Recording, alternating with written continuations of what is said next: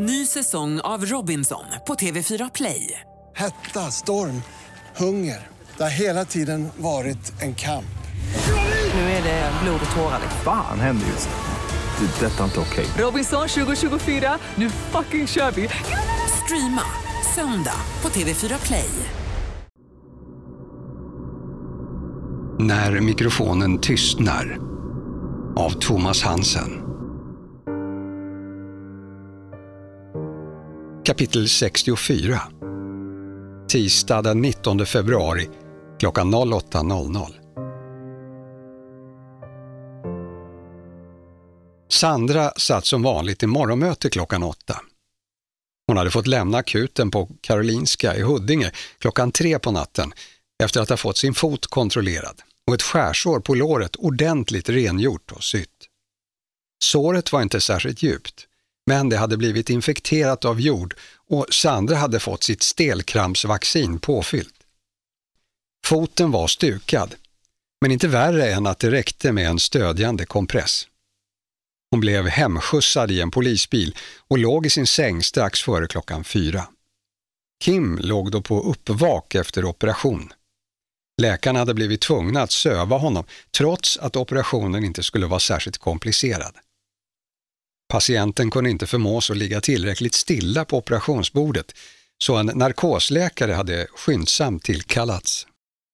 Det första suddiga som Kim såg när han började komma till sans var två beväpnade poliser som satt bredvid hans säng och inte släppte honom med blicken. Sandra hade återigen vaknat före klockan sex, men för ovanlighetens skull så somnade hon faktiskt om och sov ytterligare en stund innan larmet väckte henne vid sju och annonserade att det, det var dags att gå till jobbet. Tyvärr gjorde det för ont i både ben och fot för att kunna promenera som hon brukade, men det tog ändå emot att ringa någon för att be om skjuts. Taxi kändes också lite kymigt och onödigt, så hon haltade ner till busshållplatsen. Hur mycket prioritering ett DNA-prov än kan ges så hade proven från Kim ändå inte hunnit bli kontrollerade mot hårstrået på mordvapnet hemma hos Robin. Däremot så hade man kunnat konstatera att hans fingeravtryck fanns på ett ställe i bostaden. Han hade förmodligen haft handskar på sig, men begått misstaget att ta av dem vid något tillfälle. Och den omständigheten var egal. Det viktiga var att något placerade honom på brottsplatsen. Med stor säkerhet skulle ytterligare teknisk bevisning tala samma språk.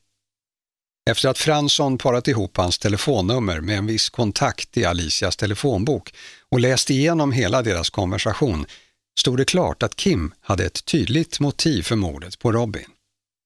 Särskilt i skenet av att han fått en så kallad sanning presenterad för sig.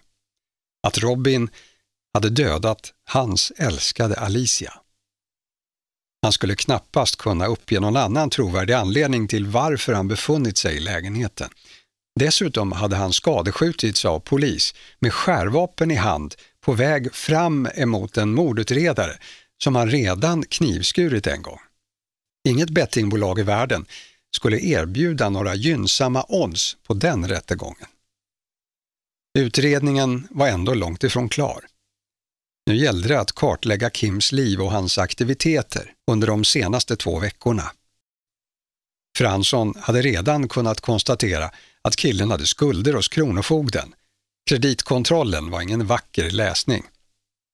Han hade tagit mängder av sms-lån, förmodligen för att täcka upp för tidigare lån i en lång serie. Det var sannolikt därför han hade tvingats flytta hem till föräldrarna. Han var redan bitter till tusen och hade troligen aldrig riktigt kunnat släppa sin tidigare flickvän ur tankarna. Nu var hon på alla släppar, syntes överallt och hade i hemlighet återupptagit kontakten med honom, bakom ryggen på sin nya pojkvän. Och så kom katastrofen. Alicia dödades. Kim sökte hämnd. De hade fortfarande ett pussel att lägga, men utredarna kände sig trygga med att vara på rätt spår och åtminstone i vissa fall lite skamsna över att så stenhårt ha satsat på spåret att Karl Nordsten var skyldig, trots uppenbar avsaknad av teknisk bevisning. Någonstans i alla telefonlistor dolde han sig, Kim Söderberg, alias Maggie. Frågan var vems fel allt var. Om Robin aldrig blivit utmålad som skyldig av tidningarna, hade mordet då ägt rum? Sandra, är du verkligen säker på att du orkar vara här? frågade Roger. Hade han plötsligt blivit människokännare och börjat bry sig? undrade Sandra. När hon nästan blivit skjuten av Karl hade Roger skällt ut henne för att hon åkt till Växjö utan hans godkännande. Var det annorlunda att nästan bli knivhuggen av Kim? Ja, jag, jag orkar inte låta bli att vara här, svarade Sandra. Det är ingen som kräver att du ska vara här idag, förtydligade han. Ja, men jag vill inte vara någon annanstans. Fransson tyckte att det kändes tomt nu när fallet i stora delar var löst. Han var glad att han fortfarande hade anledning att gräva i alla data han hade och nu gällde det att plocka fram den bevisning som behövdes för att övertyga en domstol. Det borde inte vara alltför svårt, men det var ändå viktigt att det gjordes ordentligt. Fransson, kan vi inte gå och ta en fika? föreslog Sandra. Han tittade upp, lite förvånad. Ta en fika? Det var ju knappt förmiddag än. Han såg på hennes blick att det inte var fikat hon var ute efter, bara sällskapet. Kunde han bjuda på något sånt så gjorde han det mer än gärna. Ska vi gå ut och hitta ett café? Ja, det gör vi, tyckte Sandra. När de lämnade polishuset passerade en ambulans med blinkande blåljus, troligen på väg mot akutmottagningen på Sankt Görans sjukhus några kvarter bort. Sandra kunde inte låta bli att tänka på Karl Nordsten, som låg inlagd på samma sjukhus. Den bullrige mannen som brukade ta över varje rum han befann sig i låg initiativlös i en säng och stirrade tomt i taket.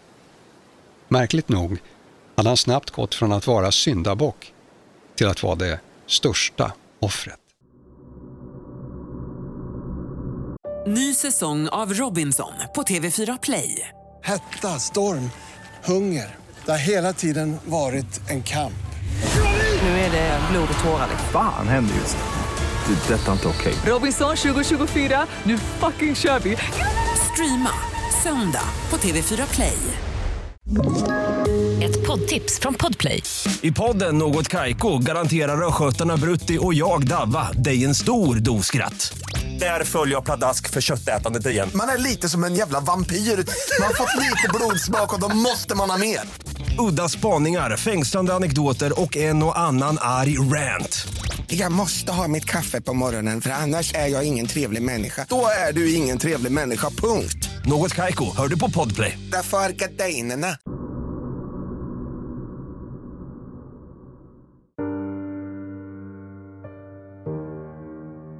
Epilog Fredag 29 november klockan 21.00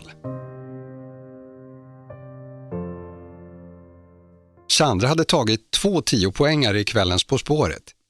Hon skulle ha tagit den tredje resan också, om det inte hade varit för att en av ledtrådarna var tvetydig och kunde peka på två olika resmål. Hade hon varit med i programmet så hade hon ryckt på tio poäng och svarat fel. Och det grämde henne. Det sägs att det är mycket svårare om man sitter i studion än när man sitter hemma i tv-soffan. Så kanske hade hon inte vågat dra på 10 poäng utan fegat ur och väntat till 8 poäng. Ja, faktiskt, det är mycket möjligt att hon hade lyckats bättre i dressinen i tv-studion än hemma i lägenheten. Hon tänkte att det kändes lite tråkigt att alltid titta på programmet ensam. Visserligen innebar det att ingen kunde störa eller försöka överglänsa henne, vilket hade varit svårt. Hon visste ingen som var så bra På spåret som hon själv. Hon funderade på att sätta på sig något fräsigt och gå ut till en bar. Klockan var trots allt bara 21. Nöjeslivet i Stockholm hade inte ens startat för kvällen och Sandra var ändå inte typen som behövde sova så mycket.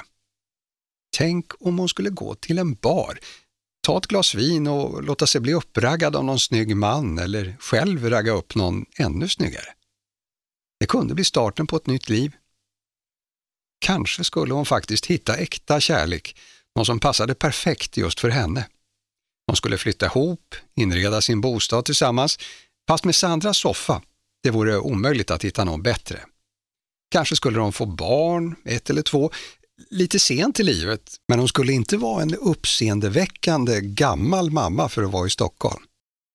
Den snygga mannen skulle förstås ha ett välbetalt jobb så han kunde försörja henne när hon ville vara mammaledig i två, tre år med varje barn. Nej, vänta, inte så. Mannen skulle vara otroligt hemkär och insistera på att ta ut all föräldraledighet han kunde och Sandra skulle fortsätta att gå på mordmöte varje morgon klockan åtta. De skulle bli gamla tillsammans. Och när barnen blev stora så kunde familjen skaffa ett hus utomlands, kanske i Spanien. Sandra och den snygga mannen skulle pensionera sig där och barnen utbilda sig på olika universitet i Europa och bli framgångsrika. De kunde ha en stor familjebild på väggen, tänkte Sandra. Som ett familjeporträtt som de flesta brukar ha i en ram. Men de skulle sätta upp det som en hel fondvägg. Kanske. Det skulle kunna bli så. Men det kanske kunde vänta till en annan dag. Sandra gick in på Öppet arkiv och letade upp ett avsnitt av På spåret från 1999. Ytterligare en timme var räddad. Hennes nya liv, eh, det kunde starta lite senare. Karl Nordsten satt tillbakalutad i sin bekväma fåtölj med motoriserat uppfällbart fotstöd och tittade ut över Mälaren. Han hade öppnat en flaska Zinfandel och drack vinet ytterst långsamt för att inte missa en enda droppe av njutningen. Det hade tagit ett bra tag innan livslusten kom tillbaka, men ändå inte så länge som man kunde befara, hade hans terapeut sagt. Karl hade repat sig ovanligt bra med tanke på det trauma han genomlevt. Det var en otrolig tur att han hade missat när han sköt efter inkräktaren som han desperat försökte försvara sig mot där han dragit sig tillbaka i sommarhuset efter chocken av förlusten av dottern. Det var ingen tvekan om saken. Han fruktade för sitt liv och hade handlat i självförsvar. Nödvärnsrätten finns till just för situationer som denna, framhärdade hans advokat utan tillstymmelse till leende. Karl skulle snart ge sig tillbaka in i musikbranschen. Det dramatiska år han hade bakom sig skulle förstås innebära ett stort medialt fokus på hans person, vad han än företog sig. Det fick man ändå se som en liten ljusglimt i allt elände. Och just nu så drog han inte in några pengar. Företaget gick back ordentligt. Han måste se till att få fart på allting igen.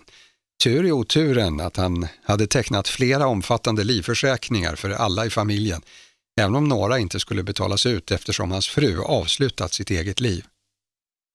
Han skulle ha en del fasta extrautgifter de kommande fyra fem åren.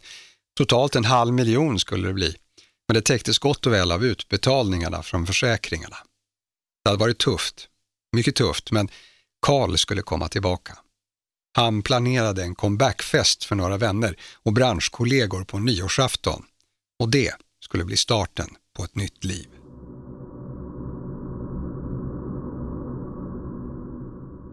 Kim Söderberg var tillbaka i sin cell efter middagen och tv-tid med de andra internerna på avdelningen. Han satte sig för att läsa en stund i den nya matteboken. Just matematik hade han lite extra svårt för. Så hade det alltid varit. Efter att ha gått igenom ett flertal exempel på procent och promilleräkning placerade han boken underst i högen. Nästa dag så skulle det bli engelska, svenska och biologi i tur och ordning uppifrån och ner. Om han uppförde sig exemplariskt så skulle han vara en fri man om sex år. Då skulle han vara redo att omedelbart börja på läkarlinjen. Han hade gott om tid på sig att läsa upp alla de betyg som behövdes för att bli antagen. Det var en dröm som han hade haft sedan han var liten, att få hjälpa människor att må bättre. Nu tyckte han sig ytterligare ha ett gott skäl att satsa på den karriären. Om man har tagit ett liv så kan man sona det genom att rädda andra. Enkel matematik. Ja, inte för han brydde sig, men han måste nog ha en förklaring om någon framtida arbetsgivare skulle ifrågasätta hans lämplighet som läkare med tanke på hans bakgrundshistoria. Han tog fram sitt anteckningsblock där han hade gjort några beräkningar som han gillade att påminna sig om då och då. Besöket i Tumba den där fredagskvällen i februari när en svart Audi-SUV gled in och felparkerade utanför porten. Det förändrade allt. Han skulle få in 10 000 kronor på ett utländskt sparkonto en gång i månaden i 50 månader. En halv miljon skulle det bli om man räknade ihop det. Ett bra startkapital för några år som studerande. För Kim så var det starten på ett nytt liv.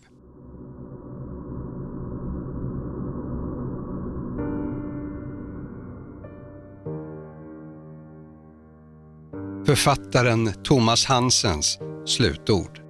Det du har lyssnat på är en roman.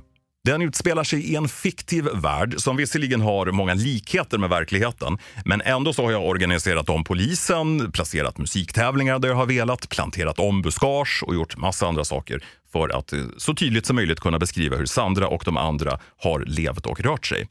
Alla likheter som mina figurer har med verkliga människor är en ren slump. De har inga exakta förebilder i vår vardagliga parallella tillvaro. Jag påbörjade den här boken för 15 år sedan och sen tog jag en eh, försiktigt uttryckt lång paus innan jag fick lust och möjlighet att fortsätta. I slutresultatet så återstår knappt en enda bokstav av det som fanns där från början. För tiderna har förändrats och jag har förändrats. Och den här boken ska leva i vårt samhälle idag och eh, förhoppningsvis också peka lite grann mot framtiden. Jag vill rikta ett stort tack till min familj. Hade det inte varit för Karin, Max och Dani så hade inte jag kunnat skriva klart den här boken. Dels så har de gett mig det utrymme som behövts för att färdigställa själva texten och dels har de gett mig kärlek och lust som jag behövt för att orka med det här projektet. Självklart så förtjänar Jamile, Madeleine, Emily och Jim på Everlasting Publisher också ett tack. De har både fattat det sympatiska beslutet att ge ut boken och så har de hjälpt till att göra den ännu bättre än den var från början. Och ett stort tack förstås till Peter Borossi som har läst in och tolkat texten med den äran. Under det här arbetet så har jag blivit rätt förtjust i Sandra Collin. Eh, lite irriterad också förstås. Hon är en väldigt envis person. Det kan vara så att hon bär vissa spår av mig själv. Jag tycker att hon gör det på ett fint sätt. Jag hoppas att vår kontakt får möjlighet att utvecklas. Tack för att du har lyssnat. Hej! Det är jag som är Peter Borossi som har läst in den här boken. När jag läste den första gången så kände jag en vilja och en dröm och en önskan om att få göra det här projektet. Det har tagit mig ett antal månader att både läsa in boken och producera det material som du har hört. Det finns en del som är bra och en del som är mindre bra. Det här var mitt första projekt och jag gör gärna det här igen. Ett stort tack till Thomas Hansen som gav mig möjligheten, till Everlasting Publisher som har tillåtit mig att göra det här projektet och till eh, hela Radioplay-avdelningen på Bauer Media som har legat bakom det. Tack för att du har lyssnat och jag hoppas du har njutit lika mycket som jag har av att få göra det.